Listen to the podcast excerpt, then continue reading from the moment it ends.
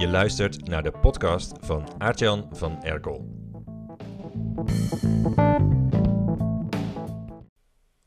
Arnold Schwarzenegger die was in zijn jonge jaren een bodybuilding kampioen natuurlijk. En als hij dan bezig was bij een bodybuilding wedstrijd in de pump-up room om zijn spieren op te warmen eh, voor een wedstrijd, dan was hij niet alleen maar bezig met zichzelf. Hij gebruikte die warming-up ook om in het hoofd te gaan zitten van zijn tegenstanders. Want hij had tijdens allemaal training in zijn eigen gym in, uh, in München was het geloof ik, had hij gemerkt dat iedereen die hij daar observeerde, die aan het trainen was, uh, dat die kwetsbaar waren. Ze hadden allemaal een punt waar ze zich onzeker over voelden.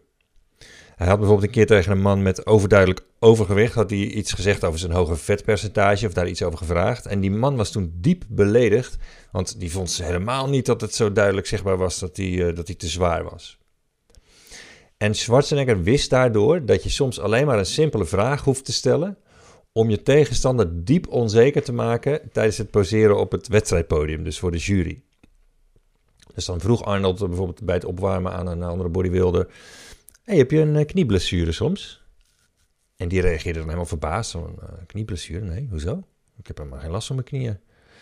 Oh, nee, ja, je, je dijen die lijken wat dunner dan vorige keer. Ik dacht, misschien heb je een blessure waardoor je geen squats kunt doen of zo. Of hij vroeg aan een tegenstander of hij zout had gegeten de afgelopen dagen, omdat zijn lichaam wat water leek vast te houden. En dan zei hij: You don't look as ripped like you were a week ago. En vervolgens observeerde hij dan zijn tegenstanders tijdens de rest van hun wedstrijdvoorbereiding. En dan zag hij dat ze steeds naar zichzelf aan het kijken waren in de spiegel, omdat ze opeens twijfelden: Heb ik nou inderdaad dunnere dijen? Of ben ik minder droog dan, uh, dan anders? Hij wist dat mensen door zijn opmerking helemaal van slag raakten. En wie bezig is met copywriting, die doet iets wat hier een beetje op lijkt, als je het tenminste slim doet. Je maakt ook een simpele opmerking die onschuldig lijkt, maar waardoor je twijfel zaait. Alleen zaai je geen twijfel in het hoofd van je concurrenten, maar je zaait twijfel in het hoofd van je klanten over je concurrenten. En een belangrijke functie van copywriting is niet alleen maar dat je klanten redenen geeft om voor jou te kiezen, maar het is minstens net zo belangrijk dat je ze ook redenen geeft om niet voor je concurrenten te kiezen. Je hebt een vernietigend zinnetje nodig, waardoor klanten niet eens meer overwegen om te gaan kijken bij je concurrenten, omdat ze nu snappen dat die iets aanbieden dat inferieur is. En dat ze dat snappen komt door jouw opmerking. Ik sprak bijvoorbeeld uh, vorige maand twee Engelse ondernemers, die hebben, uh, die hebben een aantal grote angstaanjagende concurrenten. En ze verkopen zelf een online methode om klanten te helpen met, stop, het, met stoppen met roken. En hun concurrenten zijn bedrijven met rijke aandeelhouders en onbeperkte marketingbudgetten, zoals farmaceuten, die nicotinepleisters en nicotinekauwgum verkopen, en tabaksfabrikanten die e-sigaretten aanbieden. En veel mensen die van hun nicotineverslaving af willen, die zien nicotinepleisters en e-sigaretten als stappen in de goede richting. Maar door de marketing van dit Engelse bedrijfje wordt het daarover aan het twijfelen gebracht. En op hun website staat: Your smoking addiction is 80% mental and 20% physical. Most methods, nicotine gums, patches, vaping, smoking pills, attempt to deal only with your physical addiction, the 20%. Our method removes your mental addiction, the 80%. And when you no longer desire cigarettes, you can hardly detect your physical withdrawal from nicotine. Door die paar zinnen is genoeg twijfel gezaaid om de producten van machtige concurrenten met miljoenen budgetten uit te gummen in het hoofd van hun uh, doelgroep. Hun klanten weten nu dat ze met die nicotinepleisters en e-sigaretten nooit van het roken afkomen en dat ze veel beter de mentale kant, 80% van hun verslaving kunnen aanpakken met de methode van dat kleine Engelse bedrijf.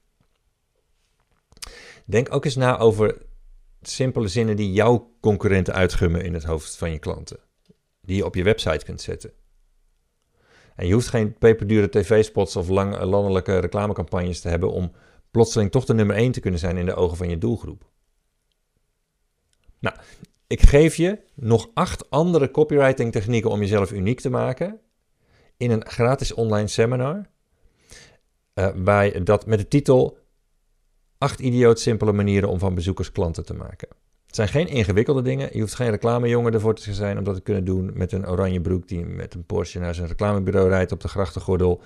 Nee, het zijn gewoon simpele dingen die je meteen kunt aanpassen op je website, zoals een eenvoudig zinnetje schrijven dat prikt in de kwetsbaarheid van je grootste concurrent. Ik geef dat gratis seminar online. En als je copywriting skills wilt leren en je website overtuigender wilt maken, dan kun je daarvoor aanmelden via www.seminars.gratis. Yes, dus via www.seminars.gratis en hij heet 8 idioot simpele manieren om van bezoekers klanten te maken. Wie weet zie ik je daar en ik wens je een mooie week.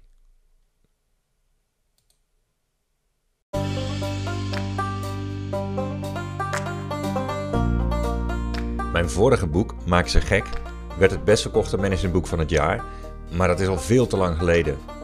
Daarom komt er een nieuw boek. Ik heb een nieuw boek geschreven en het komt begin 2022 uit. De titel is Nummer 1. Zo word je de bekendste naam in je markt en krijg je klanten voor het leven. Het is een boek voor ondernemers van wie de marketing nog niet goed werkt. Bijvoorbeeld als er in jouw markt iemand anders is die veel meer naamsbekendheid heeft en meer klanten, terwijl je weet dat jij eigenlijk beter bent dan die ander. Dat komt doordat je marketing nog niet goed genoeg is. In mijn nieuwe boek laat ik je zien hoe je een superster wordt in je markt met onorthodoxe marketing.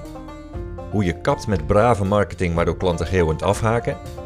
Hoe je nieuwsbrieven schrijft die je klanten hilarisch vinden, maar die je concurrenten niet durven te schrijven.